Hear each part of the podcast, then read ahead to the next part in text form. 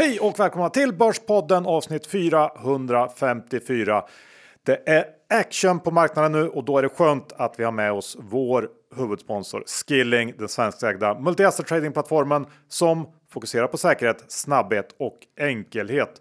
Och John, valutamarknaden är ju en enorm tradingmarknad där det har rört på sig en hel del på slutet. Ja, det är väldigt eh, stökigt där och eh, stökigast av allt kanske det är i UK eh, där pundet har gått otroligt svagt sista tiden. Ja, där har vi ju en oro både för den snabbt stigande inflationen och konjunkturen i stort.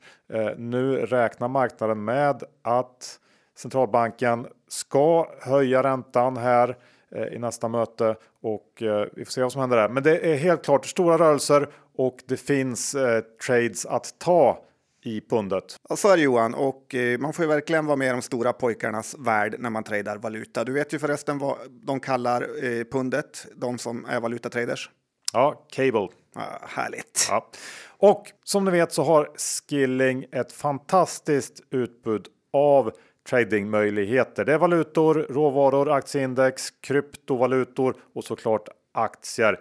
Över 900 CFDR som man kan handla har Skilling i sitt utbud. De är reglerade och har alla licenser och har som vi pratat om tidigare en fantastisk kundservice. Så öppna konto om ni inte redan gjort det. Det är enkelt. Krävs BankID så laddar man ner appen eller bara surfar in på skilling.com. Men kom ihåg 76% av retailkunder förlorar pengarna när de har er så besök skilling.com för en fullständig ansvarsfri skrivning. Och med det John säger vi stort tack till Skilling! John, det är onsdag och det innebär att Börspodden för den 454 gången är tillbaks med premium börssnack. Jag känner mig ganska taggad faktiskt och det händer ju så otroligt mycket saker. Det är flash crashes, det är fortfarande rapporter som glider in och eh, spännande case finns det alltid. På rösten lät du inte så taggad. Jag är nygrinad Johan. Ja. Härligt, vi kör igång. Johan Dr. Bass Isaksson Index är i 2025 och eh, ja, det är minst sagt eh, svajigt där ute. Eh, Prata oss igenom det här. Så är det John och i måndags fick vi ju vår egen lilla flash crash. Och ett annat tecken på att det är väldigt nervöst just nu är ju de här enorma rörelserna vi har fått se på många rapporter de sista veckorna där ganska små avvikelser har resulterat i rejäla kast. Och en annan grej som rapportperioden eh, har avslöjat John, det är pandemins största lögn. Och vet du vad det var? Nej, det var så många så att det är svårt att veta vilken nummer ett var. Ja, men just den här veckan är nummer ett det här med att digitaliseringen och konsumenternas beteende flyttar fem år framåt i tiden. Det var bara tre och ett halvt. Ja, det kanske stämde under några månader, men i så fall så har eh, den här avsaknaden av pandemi vi nu upplever flyttat tillbaks allting fem år igen. För om man tittar på e-handeln så fullständigt imploderar den över hela linjen. Allt från Amazon till LMK Group nu på morgonen havererar fullständigt. Ja, ett problem är att alla säljer nästan samma sak på nätet, eh, så att jag förstår verkligen att de havererar. Det gör du? Ja. Ja, bra att du förstår. Du, eh, För Flash... jag har ju till och med lyckats undvika att ha de värsta pandemivinnarna i portföljen, så att, ja, jag är lite nöjd med det. Ja, men det är skönt. Eh, vi går tillbaks till den här flashcrashen som eh, vi fick uppleva i måndags, John. Ja, och det är väl det som gör... Det här är ju en liten redogörelse eh, från en trader och det här är ju också varför att vara trader är ett av världens absolut eh, svåraste yrken. Och så är det ju för att man måste agera under extremt mycket press och lite av det såg vi i måndags när index föll fritt. Det började med 1% ner och så gick det fort ner till 2 och sen var det fritt fall 3, 4, 5, 6, 7, ja, nästan 8 procent där. Och ja, många med mig trodde att det här var ett atomkrig som var på gång under kanske 30 sekunder. Riktigt, riktigt eh, läskigt var det. Tills man då insåg att eh, USA-börsen inte gick ner och att det troligen eh, var någon algohandlare som hade gått bananas. Eh, men det är sånt här man får PTSD av. Eh, men det är också det som gör att det är så ofattbart kul att hålla på med börsen dag ut och dag in. Sen en stor eloge till Nasdaq som inte makulerade de här avsluten. Och jag skulle inte vilja vara Citys kontaktperson på Nasdaq för jag antar att de har hotat med precis allt för att få de här avsluten makulerade. Men härligt att de Nasdaq inte föll för trycket. Och eh, så här tänker jag, hade det varit en eh, cyberterrorattack från typ Ryssland så hade jag utan problem gått med på att makulera avsluten och vaska några hundra eh, K i vinst utan att knälla det minsta. Men jag hade blivit galen om man hade makulerat alla de här avsluten för att skydda City. Sen alla småsparare som ställt in automatiska stopplossar eh, kanske lär sig en läxa att man inte ska göra det och de som har turbovaranter är ju såklart också besvikna att de blev knockade allihopa. Men det är lite name of the game. Det är det. Eh, och när vi ändå är inne på svåra jobb, att vara börs kan ju också vara ett svårt jobb. Ja, det är det verkligen, får ja. man nog säga. Och eh, SAS är ju ett sånt här bolag som anses vara ett hopplöst bolag att vara vd för. Och det är det såklart, men ingen förväntar sig något annat heller. Så jag undrar om det nästan inte är värre att ratta Electrolux som eh, ju rapporterar i veckan. Det är hård konkurrens, det är lövtunna marginaler, konstant motvind och huvudvärk över allt som kan gå fel och snabbt radera den här lilla vinsten som man lyckats kämpa ihop. Eh, när de flesta andra verkstadsbolag lyckats parera för kostnadsökningarna här i Q1 så föll Electrolux vinst med 60% i Q1 jämfört med förra året, trots då att man har genomfört ganska stora prishöjningar. Ehm, så jag tycker det är lite eh, bortglömt hur jobbigt bolag Electrolux är. Och när vi ändå snackar vd så visade ju Ola Rolén i veckan att gammal är äldst. Eh, Bråse skrev ju om att Hexagon tagit sig förbi Volvo i börsvärde och om man tänker på det så är ju det en makalös bedrift givet hur litet det här bolaget var när Ola tog över.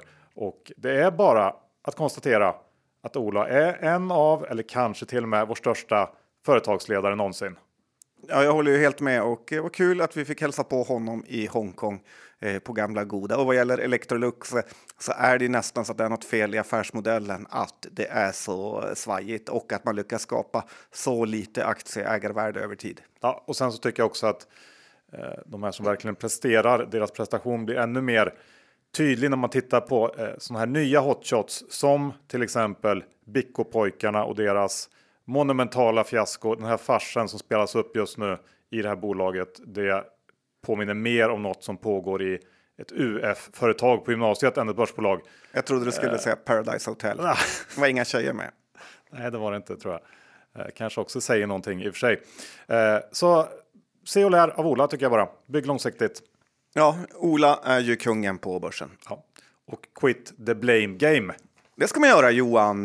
Det är ju ett av de absolut bästa sakerna man kan göra om man ska bli bra på börsen och eh, som börsadepter eller blivande börsadepter kan tänka på och det handlar ju då alltså om att skylla på andra för sina egna dåliga affärer. Och jag ser det ofta på Twitter hur fullblodslosers skriver saker som att de gått bort sig i aktierna de fått tips om.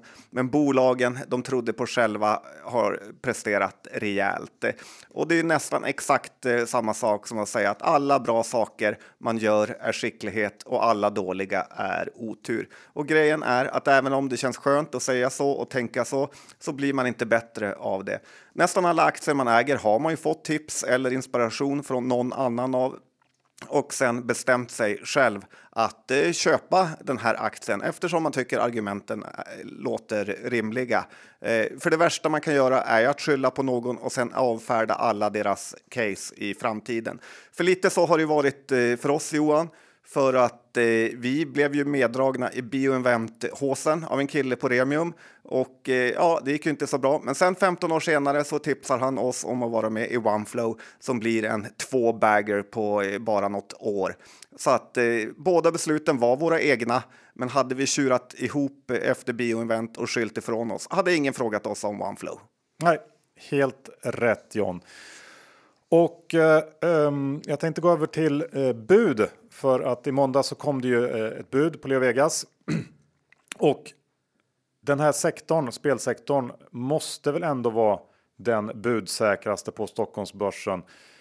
Eh, vi har ju Cherry, Intraction, NetEnt, Mr Green, N-labs, nu Leo Vegas. Jag kanske har missat något här, jag vet inte. Men hur som helst, många bud har kommit i den här sektorn genom åren och eh, eh, det här är kul för alla Leo Vegas ägare, men Lite bitter eftersmak har man ju för som vanligt när det vankas bud i spelsektorn så ligger hela Malta lång aktien sen någon månad tillbaks och det finns få saker som är så säkra i en annan väldigt, väldigt osäker värld som att sånt här läcker ut på ön som Gud glömde.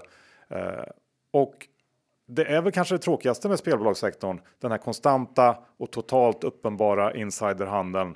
Eh, för Vegas, den eh, har ju varit orimligt stark i år, upp 20% inför budet när i princip alla andra tappat ganska mycket i sektorn. Och det har ju dykt upp massor av nya storägare som har haft en helt perfekt timing och hittat caset precis inför budet. Eh, så det, eh, ja, man blir lite ledsen när sånt här händer om och om igen.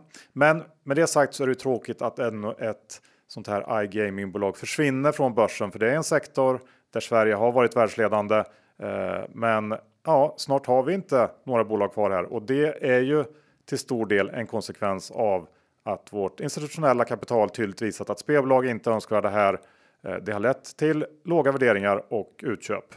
Ja, eh, mycket, mycket bra sagt där. Eh, jag vill också gratulera Gustav Hagman till att eh, fortfarande var Leo Vegas eh, största ägare. Han har kämpat genom eh, hela den här perioden av både med och motgångar. Eh, jag unnar honom det här. Han har visat verkligen att han också är en fantastisk företagsledare. Det håller jag helt med om. Grattis till det Gustav.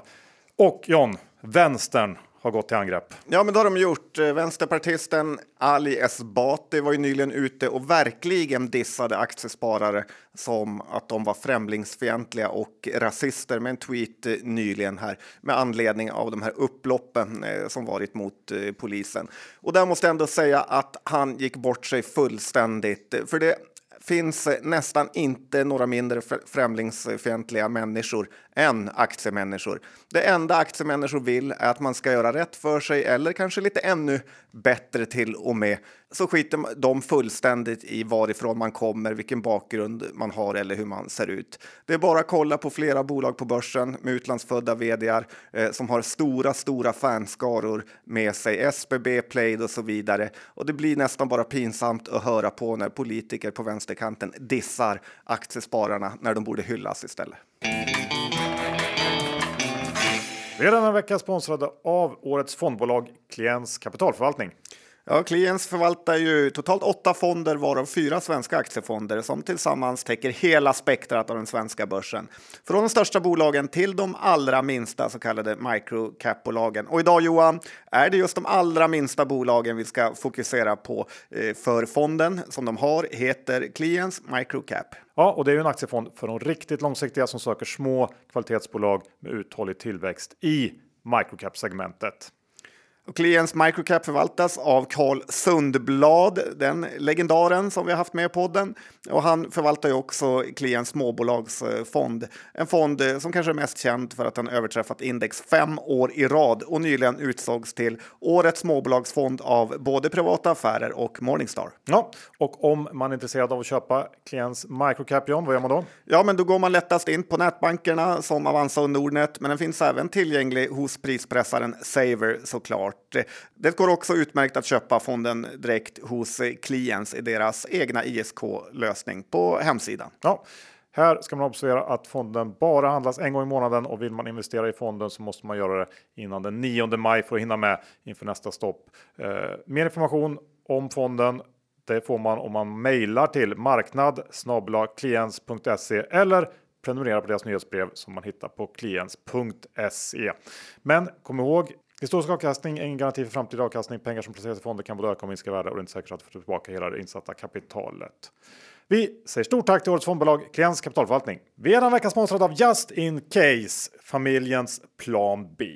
Och det är ju så här John, bopriserna och skuldsättningen i Sverige är på rekordnivåer och samtidigt så har boräntorna börjat krypa uppåt. Det är lite läskigt där ute och jag tycker att man ska göra det här självtestet som Justin Case pratar om. Man ska fråga sig själv. Kan dina nära bo kvar och även ha ett ekonomiskt tryggat liv om jag går bort. Ja, för det är ju faktiskt så att det kostar inte mycket att eh, ta en livförsäkring om det värsta skulle hända. Det är några hundralappar i månaden. Du kan välja en försäkring mellan 2 och 10 miljoner och eh, på så sätt eh, säkra upp och rädda så mycket för din familj. Ja, för i Sverige så är det så att nästan en av tre familjer faktiskt inte har råd att bo kvar om en partner går bort. Och det här är ju ett problem och det är för dåligt. Dessutom helt onödigt. För som du sa John, det är inte dyrt med en livförsäkring hos Just In Case. Så därför ska man gå in på justincase.se Burspodden och teckna en försäkring för då får man faktiskt första månadspremien helt gratis. Det ska man göra. Det tar bara några minuter att köpa en livförsäkring. Så gör det ni med. Justincase.se Börspodden. Vi säger stort tack till Just In Case. John, jag tänker att vi börjar andra delen med eh, Sinch, Affärsvärlden. Pa lite passande, vi ska ju på Affärsvärldens vårdrink imorgon. Och, eh, jag hoppas man kan, kan eh, sköta sig. Ja. Låga, eh, höga odds på det får man säga. Eh, nej, men så här, Affärsvärlden har ju en riktig snegunga i Sinch eh, som jag tycker nästan är lite för rolig för att eh, hoppa över här. Och en analytiker på Affärsvärlden har gjort sig ett namn på att säga att det bästa med börsen är att följa ett småbolags resa till att bli ett eh, storbolag. Själv har han gjort helt tvärtom genom att följa Sinch eh, som har gått från ett storbolag till att snart ha blivit ett eh, småbolag. Köprekarna har haglat i Sinch på 90 plus nivåer, eh, mer köprekar på 70 kronors nivåer och sen nu när aktien föll 20% på sin senaste rapport så tog man bort eh, köprådet på 39 kronor. Dagen efter så gick ju aktien såklart upp med 20 eh, och det är lätt att bli negativ på botten. Man ska alltid komma ihåg det att det är en av de absolut lättaste sakerna. Eh, men det är möjligt att eh, man ska rädda det som räddas kan här och sälja ändå. Även om storägaren Erik Fröberg verkar tycka annorlunda och har lastat in eh, Sinch-aktier för hundratals miljoner nu. Och att ja, Ericsson, alltså bolaget, valde att köpa Fonage för enormt mycket högre multiplar. Eh, det är svårt läge i Sinch, men det ska bli riktigt spännande att följa hur det här caset eh, spelas ut. Ja, eh, påminner ju lite om eh, resan i Kambi som eh, där vi sitter mer i affärsvärldens sits. Ja, lite så. Men vi har ju inte gett upp än, eller Nej. nej. nej. Vi följer med till botten. Ja, ja och på tal om Kambi ska vi ta lite eh, spelbolagssnacken då, för eh, många spelbolag har rapporterat i veckan. Och eh, jag tänker att vi tar ett gäng av dem. Eh, börja med Evolution. Där det fanns höga förväntningar inför rapporten och de här förväntningarna infriades såklart. Eh, som vanligt när det gäller Evolution. Aktien eh, fick sig ett litet relief rally och det var väl välförtjänt får man säga. Överlag kom man in bättre eh, än väntat och eh, upprepar den här marginalprognosen för helåret. Eh, och estimaten och aktien upp ungefär 10 här på rapport. Eh, så det var väl bra. Ehm, och givet då tillväxt och den här eh, rätt sinnessjuka lönsamheten så är ju Evolution inte en dyr aktie, men man ska ha med sig att i princip alla iGamingbolag har åkt på ganska rejält på börsen i år, både i Sverige och utomlands. Och eh, som Evolution-ägare så lever man ju tyvärr inte i ett vakuum, eh, så att det får man väl liksom tänka på när man sitter och klagar på Twitter om hur billig den är. Men eh, en fin rapport får man ändå säga. Ja, verkligen. Det är ju så fina bruttomarginaler att man nästan blir rädd för dem. Eh, för att skulle de minska så är det inte roligt. Men det är ett fantastiskt, fantastiskt bolag. Eh, går inte att säga mer än så. Tyvärr lite för sexistiskt. Ja, ja det, är, det är gammalt nu Johan. Ja. Vi går vidare. Ja, vi gör det. Vi går vidare och eh, då tar vi ett Kindred och där är det lite tuffare tider. Eh, de hade ju redan vinstvarnat inför sin rapport och eh, Eh, den, när de släppte oss hela rapporten så kom de dessutom med en ganska svag trading update. Eh, kortsiktigt så handlar det ju nu om att få den här spellicensen i Nederländerna på plats så att man kan komma igång där och ta tillbaka tappad mark. Eh, och Kindred är den operatör som varit mest exponerad mot den här marknaden och det har ju kostat det sista halvåret. Men inom några månader så bör man ha den här licensen på plats. Sen har vi USA som väl en del i alla fall ser som det långsiktiga tillväxthoppet här. Det går inte jättesnabbt framåt. Det finns säkert förklaringar här i att man bidrar sin tid lite grann och inte vill kasta sig in i någon slags huvudlös spending spree för att dra in kunder. Eh, men det känns ändå långt ifrån säkert att USA kommer att bli en fantastisk marknad för Kindred. Ehm, och vi pratade om att det kunde vara eh, ett köpläge i aktien efter vinstvarningen kring 85. Nu står den faktiskt i 100 kronor utan att det egentligen se så där våldsamt mycket bättre ut. Men eh, det här budet som kom i veckan på Levegas fick nog lite fart på sektorn och vi har ju den här hedgefonden Corvex som eh, på ganska kort tid köpt 10% av aktierna Kindred. Eh, det eh, kan väl tyda på att det finns intressenter även av Kindred. Eh, även om många nog trodde att MGM eh, kanske skulle plocka Kindred och inte Leo Vegas givet de här kopplingarna som finns mellan Corvex och MGM. Men eh, Corvex var för övrigt ute här och pusha för att Kindred borde utvärdera alla alternativ inklusive försäljning nu på morgonen. Så det är lite spännande att se vad som kommer att hända med Kindred framöver. Ja, man hade ju gärna velat att Corvex var ett eh, svenskt bolag. Hade varit lite eh, härligare betydelse då. Eh, sen, det är mycket rörigt med i spelsektorn. Lite tänker jag att det är som nästan när eh, Ica blev utköpt från börsen och att väldigt mycket pengar gick in i Axfood. Det kan vara något liknande nu när Leo Vegas blir utköpta, att man ändå vill ha lite exponering mot eh, spelsektorn och därför kommer värderingarna att öka i många andra eh, bettingbolag. Och sen eh, lite underligt också det här hela att eh, Kindred har kickat ut eh, Kambi Eh, gör ju att de kommer dra på sig mycket eh, högre kostnader under en period här nu när de ska utveckla sin sportsbok. Så att, är det är mycket som kan hända eh, där, både bra och dåligt. Ja, eh, och sen har vi Betsson också och när det blåser snålt på iGaming marknaderna där ute, då kan man ändå lita på att Pontus Lindvall lyckas gräva upp lite tillväxt från någon obskyr marknad långt bort i stan. Och det var precis det han gjorde under årets första kvartal, eh, även om resultatet var lite sämre förra året. Men man måste ju ändå lyfta på hatten för Betsson och Pontus som eh, även de var tyngda av Nederländerna under första kvartalet, men ändå presterar så här bra. Eh, och eh, de lyckades också, också, få till en helt okej okay trading update för inledningen av Q2. Eh, växer helt okej okay där, så att jag tycker fint av Betsson eh, som också blivit belönade på börsen i år upp eh, 15-20 procent någonting. Ja, man undrar ju verkligen hur den här, hette han Patrik Svensk, eh, ordföranden ja. som kickade Pontus Lindvall.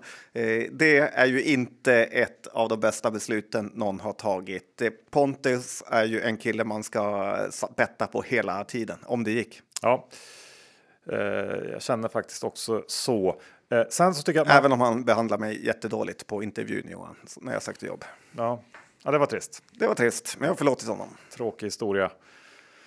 Eh, eh, sen, sen, tycker jag generellt då att, det här Vegas-budet sätter på något sätt fingret på att det här är en attraktiv sektor och jag tycker att merparten av de svenska bolagen är intressanta och att det finns värden här som inte syns i dagens aktiekurser och eh, dessutom så är faktiskt många av bolagen i sektorn in play så att säga och möjliga att köpa upp. Eh, jag lyssnar på eh, MGMs call eh, där man fick ganska många frågor om Leo Vegas och även framtida förvärv. Och en liten kul detalj är ju att ledningen refererar till köpet av Leo som bite-sized eh, och att fler förvärv ligger i pipen här. Eh, så att det, det, de här stora spelarna, när de öppnar upp plånboken så finns det nog egentligen inget bolag som är för stort, möjligtvis Evo då. Eh, sen så pratar de också om, på tal om Evo, att live casino är någonting som ligger i deras DNA som Las Vegas eh, legender så att säga och att det är någonting som de tycker är intressant att satsa på framöver. Så där eh, får man ju också hålla lite utkik vad de hittar på på den fronten tror jag om man är Evolution-ägare. Ja, men det förstår jag verkligen. Med tanke på Evolutions börsvärde så bör det locka folk att eh, försöka ge sig in i den sektorn. Ja, det var precis det ledningen sa att eh, de hade tittat på det och det är det som är konstigt med att folk kickar ut Kambi. De är värda 5 miljarder och eh, det finns liksom inga pengar där. Medan Evo är värt eh, 200-300 miljarder. Det är där pengarna finns. Men men, jag är inte utvecklare. Nej, det, det är du inte. Så vi lämnar det åt dem och går över till någonting som ändå kanske i vissa fall liknar gaming och gambling. Jag tänker på det som Avanza och Nordnet erbjuder sina kunder. Ja, och här är det tvärtom, att jag tror det här är en sektor som faktiskt gjort sitt eh, för en period nu. Och dödsstöten kom igår när siffrorna för april visar att aktiviteten gått ner väldigt mycket mer och eh, att nysparandet eh, minskar, men även att de dagliga affärerna har minskat. Väldigt. Fem år tillbaka i tiden kanske? Eh, vad då? Aktiviteten. Fem år tillbaka i tiden. Ja, men lite så faktiskt. Jag hängde inte med där. Du var för snabb Johan. Eh, men det, det, här är ju bolag som är stora pandemivinnare och varit det. Och visst, lite tjänar de på att räntan höjs så de kan få avkastning på alla de här miljarderna som bara ligger och skvalpar på kundernas konton som det tidigare varit nollränta på. Eh, men tänker man så så kan man ju hellre eh, köpa en vanlig eh, bankaktie. För det går inte att komma ifrån att vi är på väg att lämna Eh, en period som varit förmodligen den absolut mest aktiehypade perioden i världshistorien. Att den är nu bakom oss och det är allt från meme stocks till oändligt mycket med nynoteringar till kryptos eh, enorma uppgång och att folk dessutom suttit hemma och haft mycket mer tid att eh, trada. Robinhood i USA, alltså eh, nätmäklaren, har gått från 45 till 10 dollar och även mer renodlade eh, nätmäklare som Charles Schwab har tappat mycket från toppen. Så att jag tror faktiskt att den bästa perioden har varit för våra kära nätmäklare. Jag tror också det på, eh, för en ganska lång tid också. Sen är det klart att det finns den här underliggande tillväxten och den, den tuggar ju på. Men den här typen av enorm uppsving, den, det kommer att ge avtryck. Jag håller helt med dig om. Eh, hur är det med bygg då? Där, eh, ja, Ja, men hur är det med bygg? Ja, men hur är det egentligen? Ja, jag tycker nog att börsen är lite för hård mot bygg just nu. De har rasat mycket sista tiden. Eh, och det är ju så här, många eh, har ju bes gjort beställningar på fasta priser och det kommer ju göra att eh, byggbolagen kommer få ta rejäla nedskrivningar när projekten blir fördyrade. Men ändå. Du, jag får bara flika in här. Jag var, igår när jag surfade på Twitter så såg jag att Jens Nylander, du vet gamla Jens of Sweden, eh, legenden kanske man får säga, mm. var ute och twittrade om att han, eh, han hade lynchat kan man säga. Kul, eh, och, det har gått vidare. Ja, så han hade två spaningar och eh, bägge byggde då på det här att eh, byggare eh, ringde upp folk som beställt hus och erbjöd dem eh, ganska stora summor pengar för att avboka bara huset så att man slapp bygga det.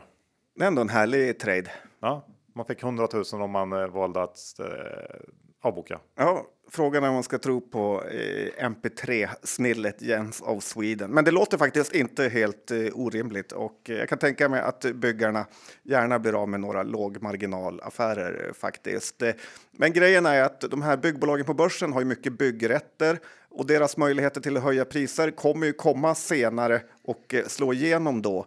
Och därför tycker jag inte att man kan räkna ut de här P5, 6, 7 bolagen på ett kvartal eller ens ett dåligt år.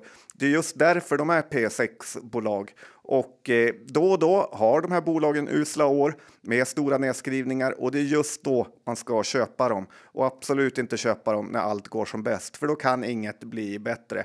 Bonava, JM, Aros eh, Bygg och även giganter som Skanska är ju ganska billiga och har tappat väldigt mycket från sina toppar. Eh, det kommer komma bättre perioder för dem igen. Visst, ingen vet var botten är.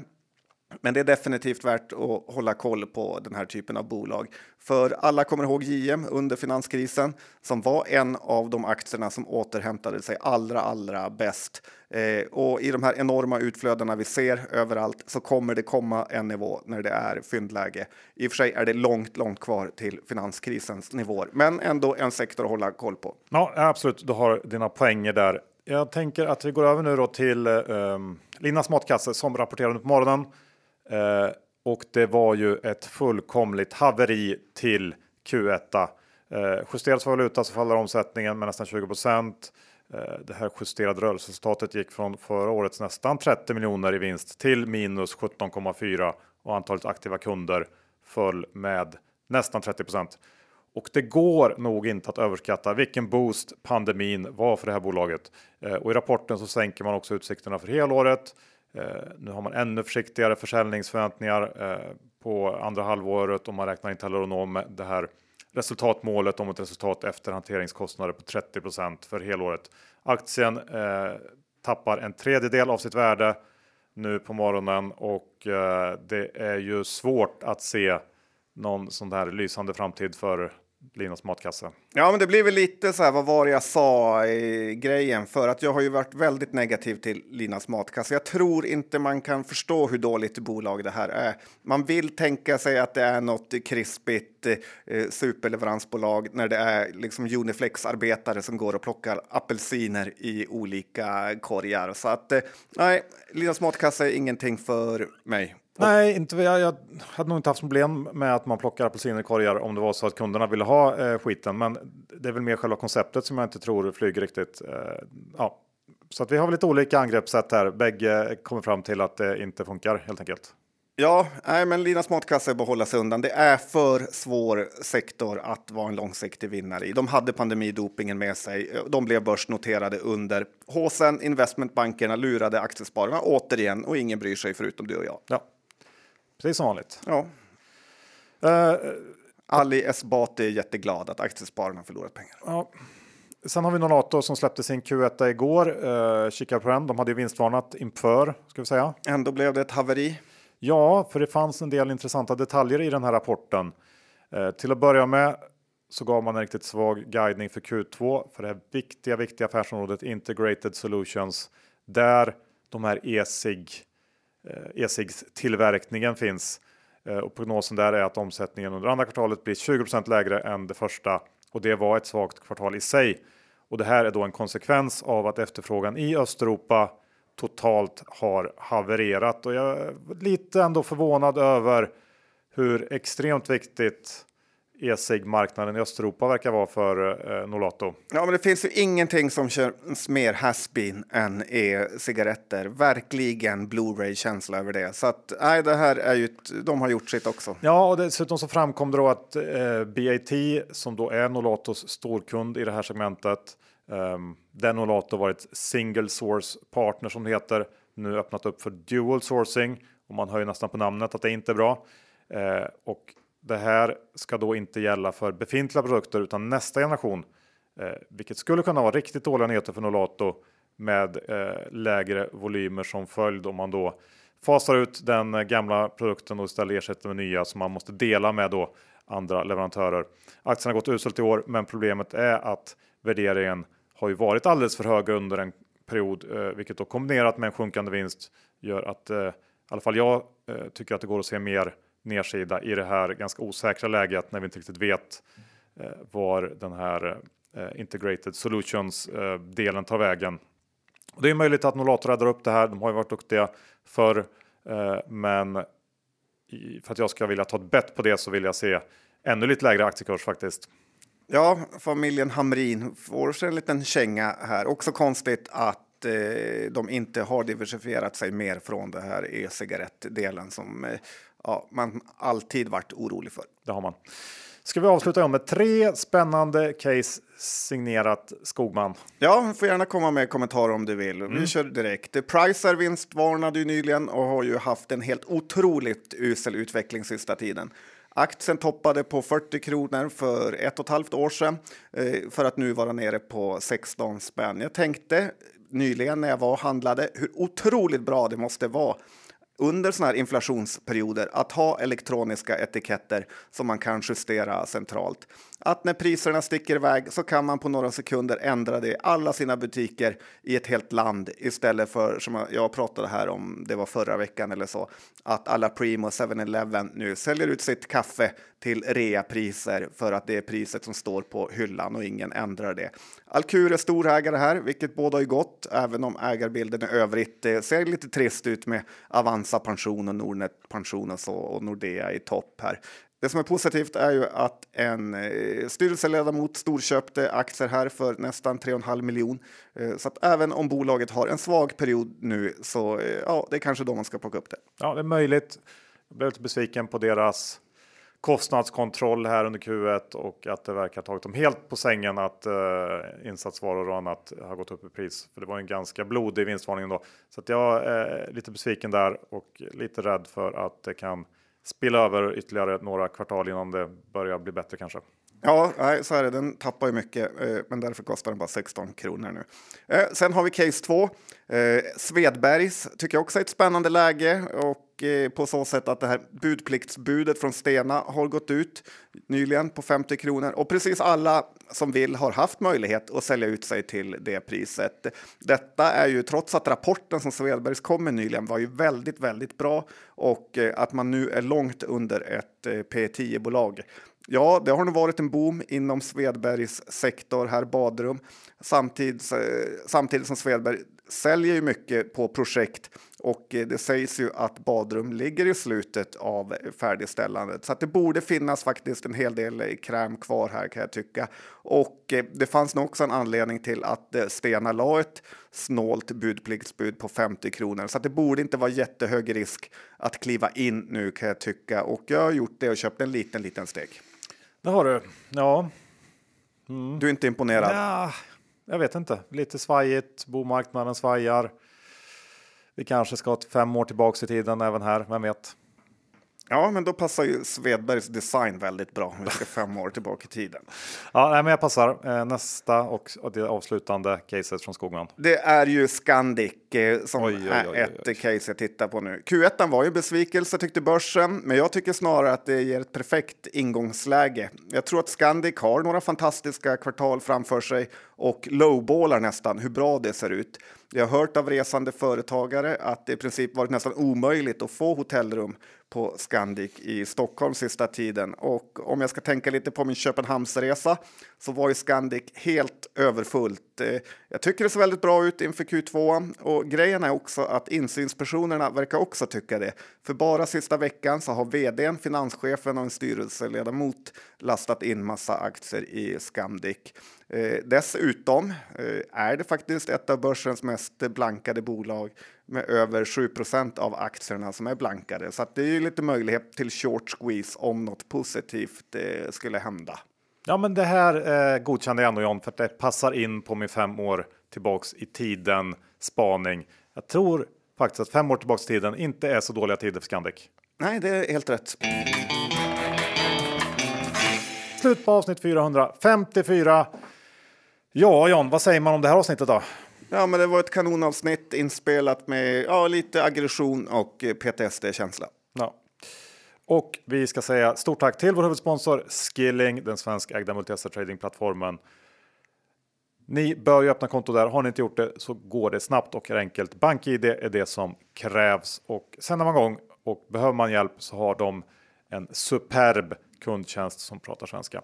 Men kom ihåg 76% av retailkunder förlorar pengarna de handlas efter er så besök för en fullständig ansvarsförskrivning. John, hur är det med våra egna innehav? Jag har lite uh, Sinch, jag har lite Svedbergs, jag har Kambi och uh, Bonava också. Mm, jag har Kambi av de vi pratar om tror jag. Uh, annars så är det väl jag försöker hålla banta portföljen för jag är ju så fruktansvärt bäsad. Ja, men det förstår jag för att det känns ganska negativt. Mm. Uh, bra, då tackar vi för att ni lyssnade även den här veckan. Vi hörs nästa onsdag igen. Hej då! Det gör vi. Hej då!